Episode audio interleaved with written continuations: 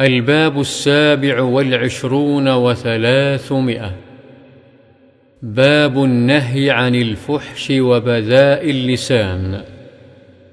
عن ابن مسعود رضي الله عنه قال قال رسول الله صلى الله عليه وسلم ليس المؤمن بالطعان ولا اللعان ولا الفاحش ولا البذي. رواه الترمذي وقال حديث حسن.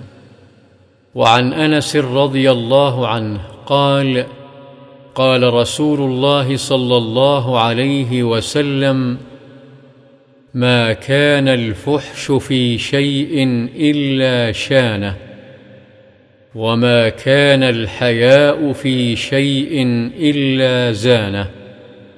رواه الترمذي وقال حديث حسن.